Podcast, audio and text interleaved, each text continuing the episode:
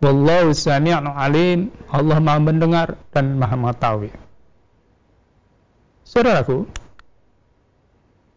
siapa saja yang beramal tanpa ketulusan hati, termasuk kita, Allah memperingatkan kita. Fadaqat wa bala amriha wa kana akibatu amriha khusra. Maka mereka merasakan akibat yang buruk dari perbuatannya. Dan adalah akibat perbuatan mereka kerugian yang besar. Surat Tolak ayat 9.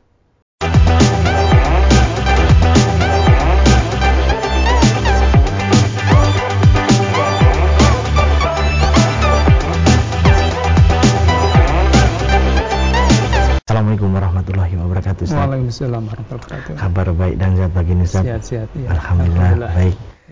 Dan pemirsa nanti bisa bergabung bersama kami di line telepon 02716793000 SMS dan juga di WA kami di 08 11 Kita simak pelajaran kita pagi ini. Silakan. Ustaz.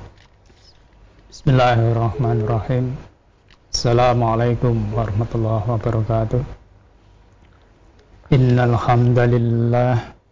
Wassalatu wassalamu ala Rasulillah wa ala alihi wa ashabihi wa mawalah. Asyhadu an la ilaha illallah wa la syarika lah wa asyhadu anna Muhammadan abduhu wa rasuluhu la nabiyya ba'dahu amma ba'd. Saudaraku pemirsa dan pendengar di mana pun berada yang saya cintai, yang saya hormati. Alhamdulillah wa syukurillah pagi ini Allah memperkenankan kita mengawali aktivitas dalam keadaan sehat walafiat. Saudaraku, pagi ini kita akan berbicara tentang hidup kita diwarnai oleh apa yang ada dalam hati dan pikiran kita sendiri. Kita merasa bahagia, merasa ceria, optimis, senang, tentram, atau sebaliknya. Kita merasa cemas, gelisah, susah, was-was, dan lain-lain. Itu semuanya muncul dari pikiran diri kita sendiri. Sebenarnya diri kita sendirilah yang memberi warna pada kehidupan kita masing-masing. Allah Subhanahu wa taala telah memberikan gambaran Sesungguhnya pekerjaan yang sama yang dikerjakan oleh orang yang berlainan hati dan pikirannya, perasaannya dan jiwanya, nilainya dan hasilnya akan berlainan. Nilainya dan hasilnya akan berlainan, jauh. Baik di dunia ini maupun di akhirat.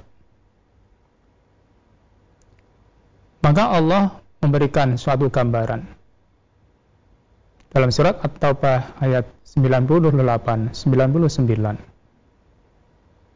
Allah berfirman A'udzu billahi minasyaitonir rajim. Wa minal a'rabi may yattakhidhu ma yunfiqu makrama. Di antara orang-orang Arab Badui ada orang yang memandang apa yang dinafkahkannya di jalan Allah sebagai satu kerugian.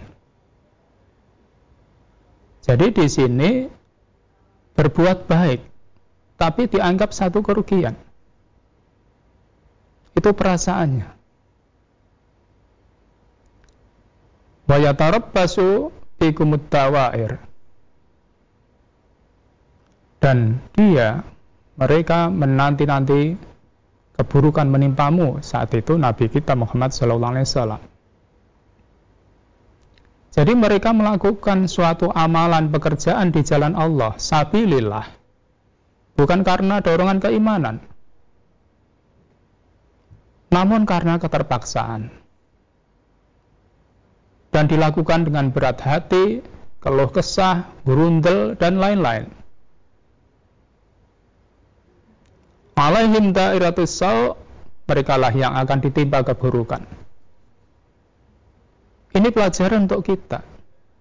Maka dalam melakukan apa pun yang kita jalani, jangan kita hati kita gurundel, terpaksa, dan lain sebagainya.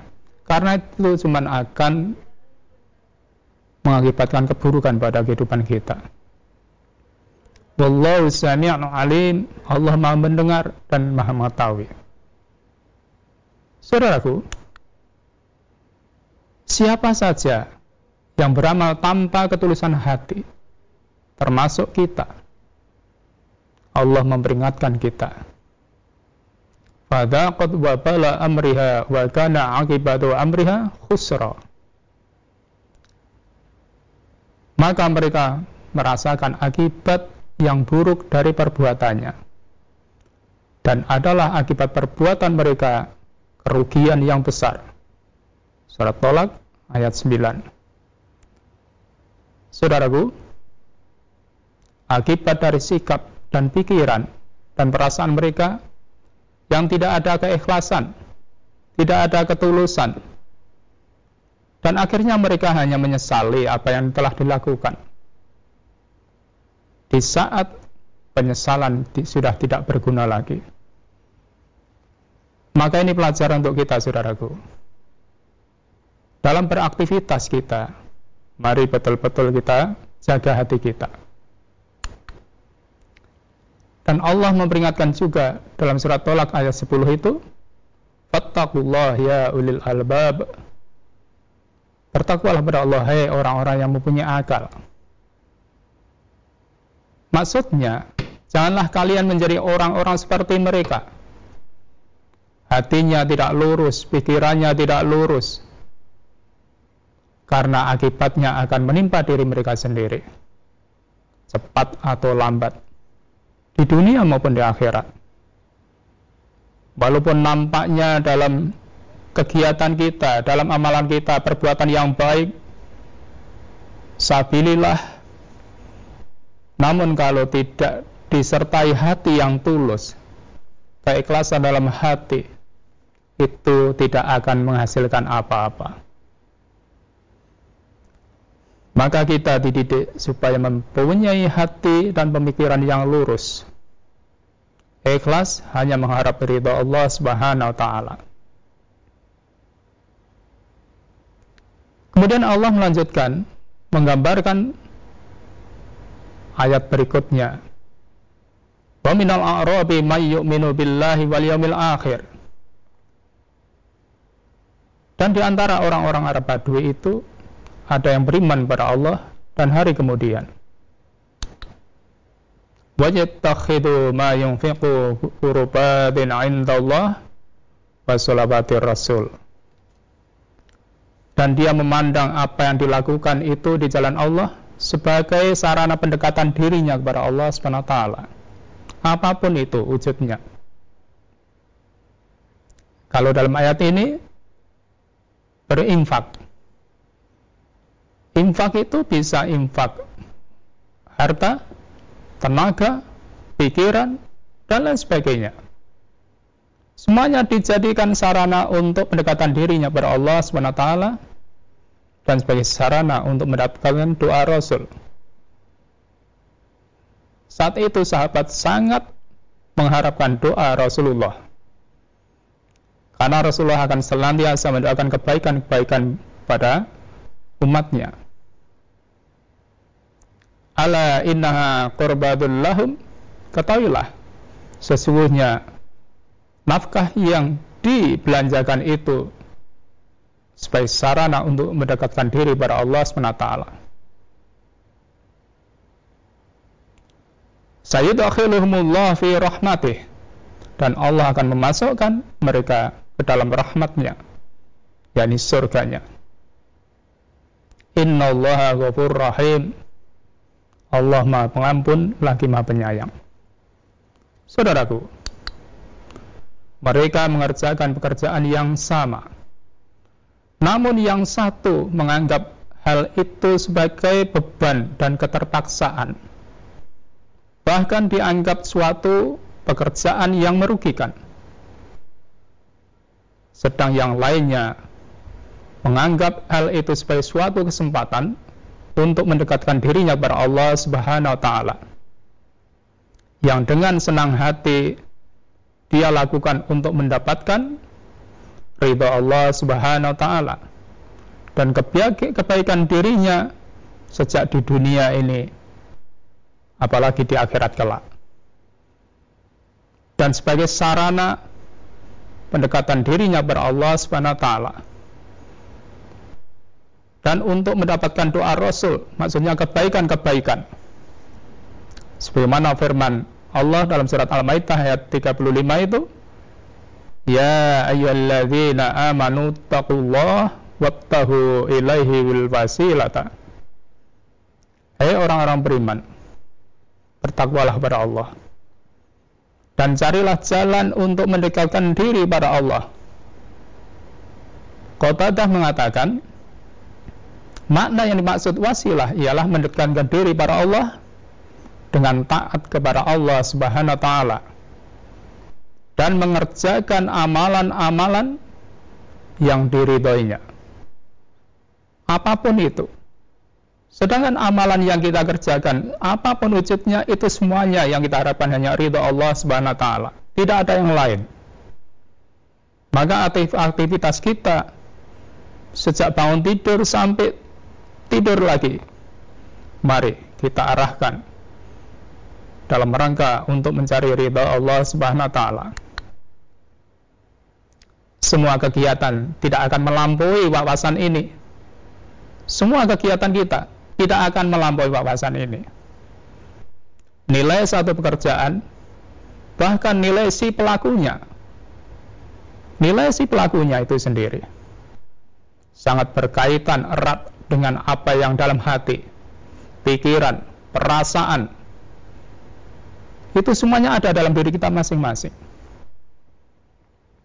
Ini perlu kita sadari. Maka apa yang dalam hati kita itulah, yang dalam pikiran kita itulah, yang menjadi faktor yang menentukan dalam perjalanan hidup kita sendiri. Bukan dari orang lain. Kita mau bahagia, kita hidup sengsara, kita senang atau susah itu sangat diwarnai apa yang dalam diri kita sendiri. Bahkan kita akan mendapatkan pahala atau azab. Itu ada dalam hati kita yang menentukan. Karena Allah tidak membutuhkan hanya perbuatan dohir yang nampak baik. Namun Allah perhatikan yang apa yang dalam hati kita maka mari betul-betul kita jaga. Maka mari kita waspadai hati kita masing-masing. Perasaan, pikiran kita. Karena apa pun pekerjaan kita, apa pun yang menjadi bidang kita, maka mari betul-betul kita lakukan dengan hati yang jernih, tulus, ikhlas. Karena itulah yang akan menentukan perjalanan kita dan itulah yang akan dinilai oleh Allah SWT. Maka Nabi kita Muhammad SAW dalam hadis riwayat Bukhari nomor 6084 beliau juga bersabda An Abi Hurairah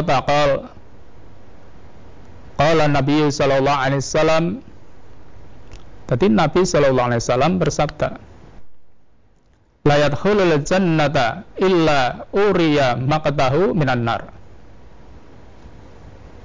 Tidaklah seorang akan masuk ke dalam surga kecuali diperlihatkan kepadanya tempat duduknya di, di neraka.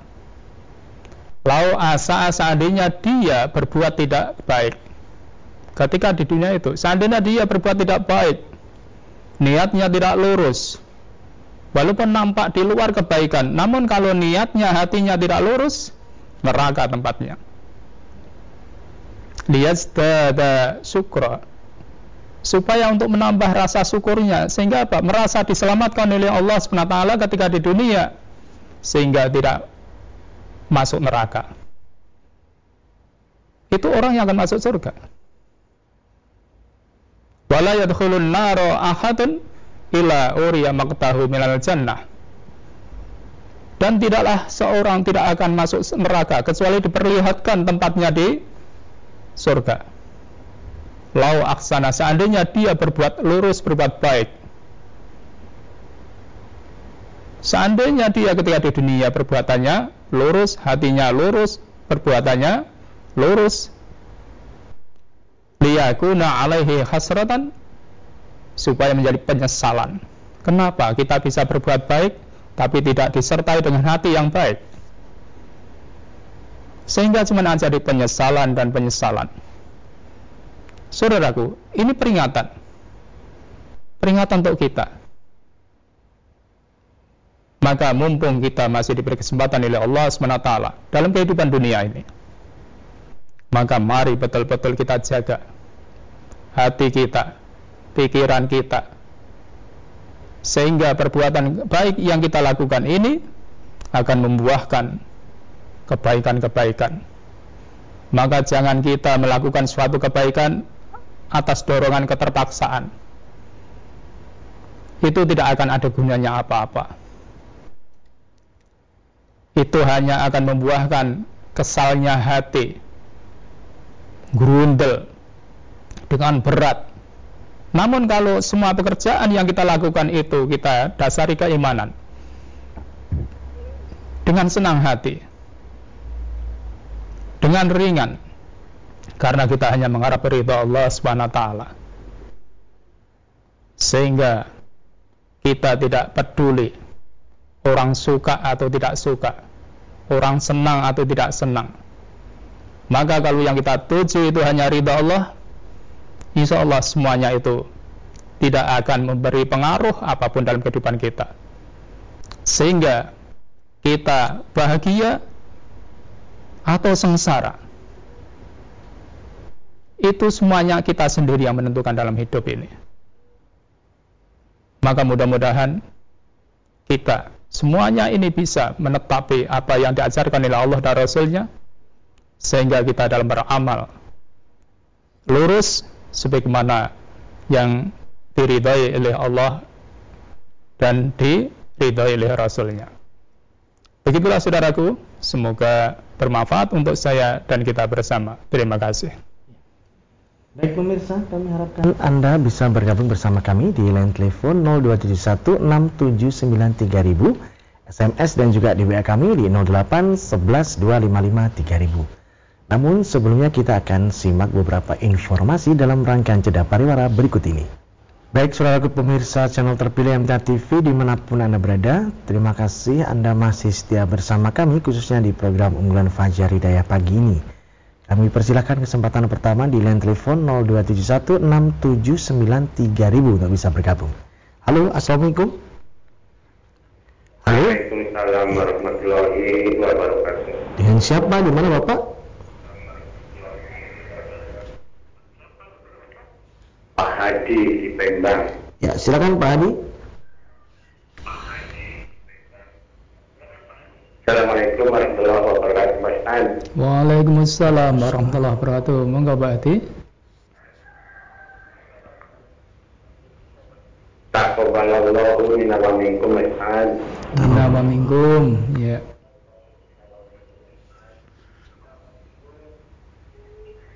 Kini San. Dalam niat saya baca Al-Quran. Yang pahalanya saya kirimkan kepada para leluhur yang telah meninggal. Mudah-mudahan kalau itu yang saya tanyakan apa sih itu itu pak? Artinya saya sering mendengar kata itu tapi belum paham penjelasannya. Terima kasih Halo Pak Adi, Pak Adi. Ya ya ya. Ya, yang belakang tadi ada yang putus-putus, bisa diulangi. Oh gini, saya baca Quran, saya niatkan pahalanya untuk saya kirimkan ke para guru yang telah meninggal. Nah, mudah-mudahan Allah itu saya tanyakan apakah arti itu itu kalau saya mendengar paham. Baik. Terima kasih warahmatullahi wabarakatuh. Waalaikumsalam warahmatullahi wabarakatuh. Ya. Jadi berarti ya, jadi kita atau siapa saja membaca Al-Quran. Membaca Al-Quran itu ibadah yang kita lakukan. Kemudian berazam, berniat untuk dikirimkan pada leluhur. Yang begitu itu tidak ada tuntunannya. Jadi kalau kita membaca Al-Quran itu ya untuk kita sendiri. Jadi setiap huruf mendapatkan 10 kebaikan. Itu untuk kita sendiri. Jadi tidak ada kirim mengirim pahala. Apa kita sendiri sudah merasa cukup pahala kita? Tidak ada. Kirim mengirim pahala itu tidak ada. Jadi dengan jelas kita sudah mendapatkan pelajaran wa allaisa lil insani illa ma Manusia itu tidak akan mendapatkan apa-apa kecuali apa yang sudah diusahakannya. Ya ketika hidup di dunia itu sudah cukup.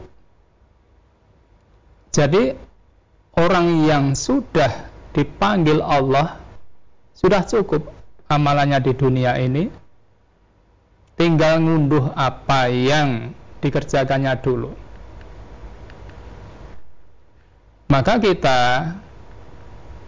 dalam melaksanakan apa saja itu ya untuk kita. Untuk kita. Jadi kalau hal kirim mengirim pahala Rasulullah tidak mengajarkan kepada kita. Taruhlah secara logika ya. Bisa mengirim pahala. Rasulullah dan para sahabatnya lebih abdol lebih abdol dan beliau apa pun yang dikerjakan pasti diridai oleh Allah tapi Rasulullah tidak melakukan yang begitu itu maka tentu kita dalam mengerjakan sesuatu tidak lepas dari petunjuk Rasulullah Sallallahu Alaihi Wasallam. Kalau Rasulullah saja tidak melakukan, masa kita melakukan seperti itu? Itu mendapatkan ajaran dari mana? Kan gitu mestinya. Maka apa yang tidak diajarkan, tidak dituntutkan oleh Rasulullah, ya Allah tentu tidak akan ridho. Tidak akan ridho. Apalagi kalau maaf ya, namanya leluhur itu siapa? Mereka sholat atau tidak? Itu yang perlu kita pertanyakan. Maka intinya dalam kita melakukan apa pun, baik itu baca Al-Quran atau yang lain, yaitu untuk diri kita sendiri. Untuk diri kita sendiri. Tidak lain. Maka jangan sampai kita salah niat. Jangan salah niat. Karena kebaikan apa pun yang kita lakukan kalau salah niat, kita tidak akan memperoleh hasil apa-apa. Bahkan bisa justru malah jadi dosa. Begitu, semoga bisa dipahami. Ya, kita lanjutkan yang ada di SMS Ustaz. Dari Bapak Gito di Pekanbaru menanyakan, Ustadz apakah boleh harta warisan dibagi rata atas kesepakatan ahli waris demikian. Iya, Pak kita di baru ya. Jadi harta warisan apakah boleh dibagi rata? Kalau itu sudah kesepakatan dari ahli waris, ya enggak mengapa.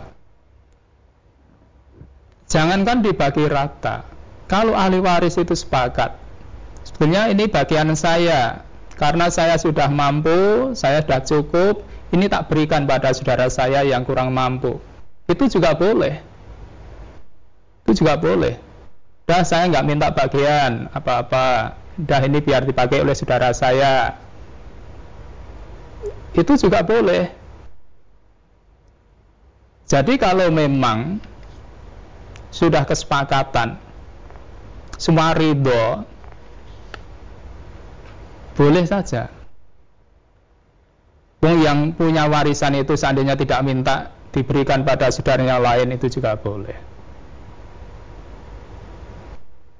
Itu kalau memang sudah disepakati semuanya. Sudah disepakati semuanya. Jadi nggak mengapa. Begitu, Bapak. Dan mudah bisa dipahami. Ya, baik. Masih di WA dari Bapak Toha di Kraton menanyakan Ustadz pagi-pagi saya mendapatkan uang di pinggir jalan. Kemudian saya ambil lalu saya masukkan di kotak amal di masjid dekat saya. Hal ini boleh atau tidak Ustaz? Ya, ya tentu kita melihat jumlahnya dulu ya. Kalau jumlahnya besar, ya tentu ditunda dulu. Barangkali nanti ada yang mencari ya. Ada yang mencari. Kalau perlu diumumkan. Kalau jumlah besar diumumkan ditunggu. Barangkali nanti ada orang yang merasa kehilangan sehingga ketok tular si fulan atau fulanah kehilangan uangnya. Sekian puluh juta umpamanya. Disimpan dulu. Itu pun seandainya ada orang yang mencari itu tidak perlu diterangkan apa adanya. Jadi kalau ada yang mencari pun itu perlu. Seandainya ada orang mencari kehilangan uang. Tanya berapa uangnya? Oh sekian. Mungkin 50-an ribu atau ratusan ribu. Apa pecahannya? Itu kalau nanti salah dalam menyebutkan berarti oh ini bukan. Jadi nggak perlu diterangkan uangnya ini ini ini nggak perlu. Jadi perlu itu ya namun kalau seandainya ya cuman 50 ribu cuman 20 ribu taruhlah 100 ribu ya nggak apa-apa dimasukkan ke kotak masjid karena dunia seisinya itu milik Allah, kembalikan pada Allah, nggak masalah. Nggak masalah.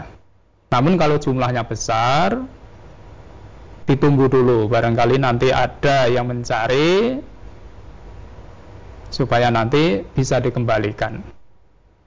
Begitu Bapak, semoga bisa dipahami. Baik, kami persilahkan masih ada kesempatan di line telepon kembali 6793000. Halo, Assalamualaikum. Halo, Assalamualaikum. Waalaikumsalam warahmatullahi wabarakatuh. Ya, dengan siapa? Di mana Bapak? Bapak Bima di Palembang. Bapak Bima di Palembang, silakan. Ini yang saya mau tanyakan Ustaz. Saya mendapati seseorang yang berkajian. Kemudian orang itu ikut menyokapkan istimayah dengan bersamaan. Kemudian selesai. Setelah selesai dia mendapatkan lagi orang menyolatkan dengan saya itu sama lagi dia cukup lagi sampai berkali-kali.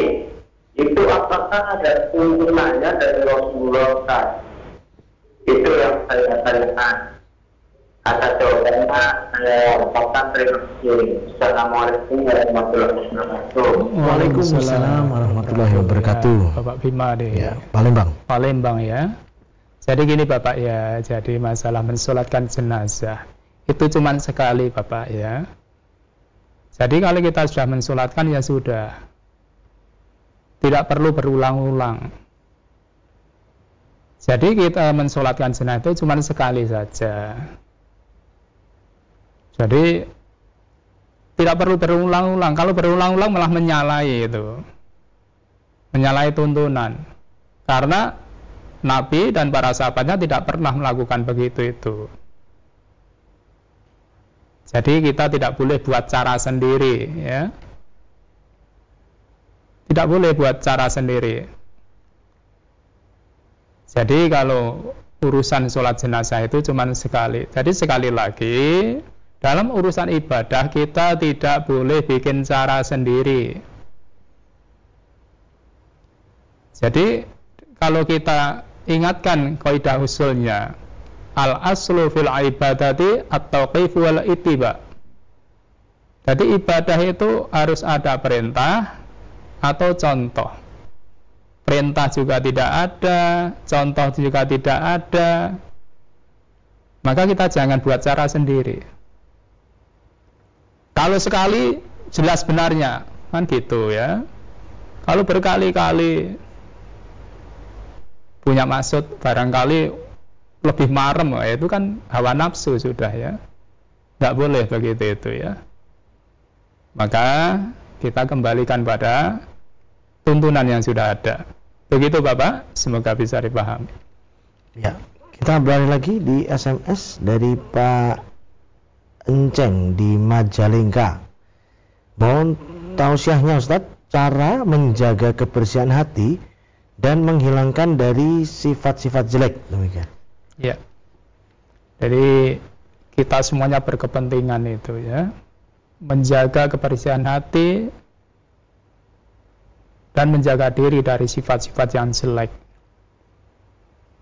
Jadi yang pertama, kita itu kalau mendengar dari hati Nabi ya, la yu'minu ahadukum kamu tidak beriman hatta yukhiba li akhihi ma yuhibbu li nafsi. Sehingga kamu mencintai menyenangi apa yang ada pada saudaramu sebagaimana apa yang ada pada dirimu. Jadi kalau saudara kita mendapatkan kebaikan kita ikut merasa senang. Kalau saudara kita mendapatkan keberuntungan, kita ikut merasa senang. Jadi apa yang ada saudara kita, kita terapkan pada diri kita. Kalau saudara kita mendapatkan musibah, kita ikut prihatin. Jangan sebaliknya. Kalau saudara senang, kita malah tidak senang. Kalau saudaranya mendapatkan musibah, kita malah bisa tertawa. Itu namanya hatinya kotor. Hatinya kotor. Maka mari kita jaga hati kita. Maka kuncinya Nabi sabdanya apa? La minu. Kalau itu ada, kamu tidak beriman. Orang beriman nggak gitu sikapnya ya. Maka untuk menjaga kebersihan hati kita, mari hadis ini kita amalkan betul ya. Kita amalkan betul. Hadisnya mudah untuk diucapkan, tapi untuk mengamalkan tidak semudah itu. Untuk mengamalkan tidak semudah itu.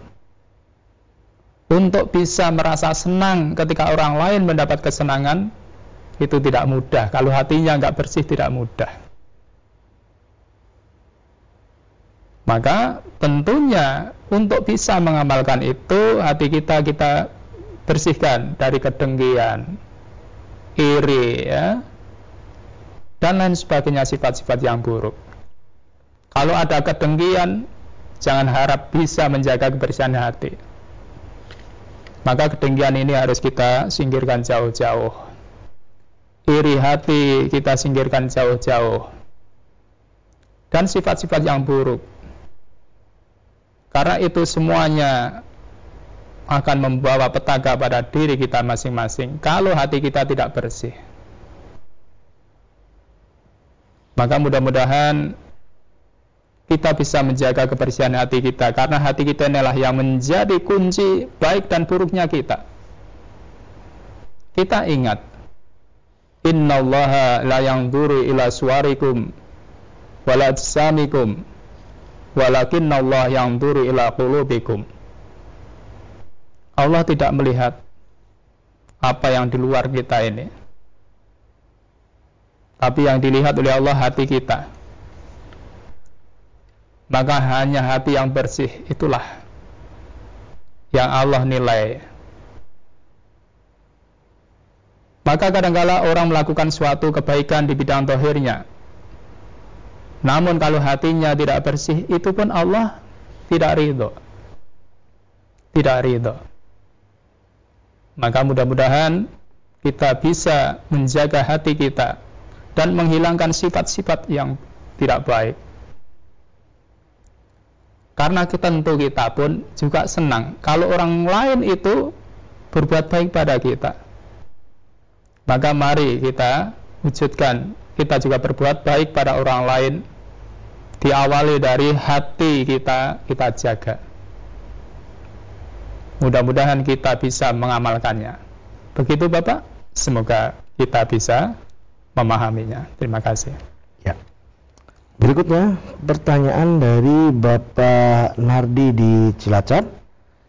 Ustadz setelah zikir ba'da sholat wajib selesai kemudian ingin menyambung zikir di luar ba'da sholat maghrib maksud saya di luar ba'da sholat wajib apakah harus ada pembatas di antara keduanya? Iya. Jadi zikir setelah kita sholat wajib sudah kita baca semuanya dari istighfar, Allah mantas salam dan seterusnya. Membaca, membaca tasbih, tahmid, takbir, kemudian tahlil, terus disambung dengan zikir-zikir yang lain, umpamanya membaca ayat kursi, membaca muawwidzatain, qul a'udzu birabbil falaq, qul a'udzu birabbin nas atau yang lain-lain, silahkan. Silahkan. Jadi untuk disambung dengan dikir-dikir yang lain tidak ada masalah. Karena di situ dalam rangka mengingatkan diri kita untuk memperbanyak lesan kita menyebut asma-asma Allah. Jadi tidak ada masalah. Mau dikir sebanyak-banyaknya silahkan. Yang penting dari apa yang kaitannya dengan sholat tadi sudah dibaca semuanya. Begitu semoga bisa dipahami baik. Satu lagi Ustaz. Masih ada di WA dari Bapak Saripan di Cilacap. Menanyakan Ustadz saya pernah berkurban di masjid tapi dagingnya itu dimasak untuk dimakan yang memotong di masjid. Nah, sebaiknya kalau kurban lagi saya potong di rumah supaya bisa dibagikan atau bagaimana Ustaz? Demikian. Ya. Jadi kalau namanya korban korban jadi panitia itu cuma menyembelihkan dan membagikan ya. Jadi untuk dibagikan. Lah kalau memang mungkin ya Bapak punya bagian kemudian diminta untuk dimasak, ya silahkan nggak apa-apa. Namun kalau nyembelih langsung dimasak sendiri ya tentunya kan juga harus minta izin pada yang berkorban. Jadi kalau memang itu diizinkan, ya silahkan. Karena untuk nyembelih korban itu perlunya untuk dibagikan pada yang berhak. Untuk yang berhak. Nah kemudian untuk berikutnya nanti mau nyembelih sendiri, ya disampaikan saja Bapak ya. Sampaikan saja. Jadi dalam berkorban itu supaya dibagikan. Supaya dibagikan. Jadi kalau memang dari yang berkorban itu merelakan bagiannya untuk dimasak ya silahkan. Kan sepertiga. Sepertiga. Namun kalau yang sepertiga itu diminta oleh yang sohibul korban, ya diberikan itu haknya pihaknya yang lain ya untuk dibagikan. Begitu Bapak, semoga bisa dipahami.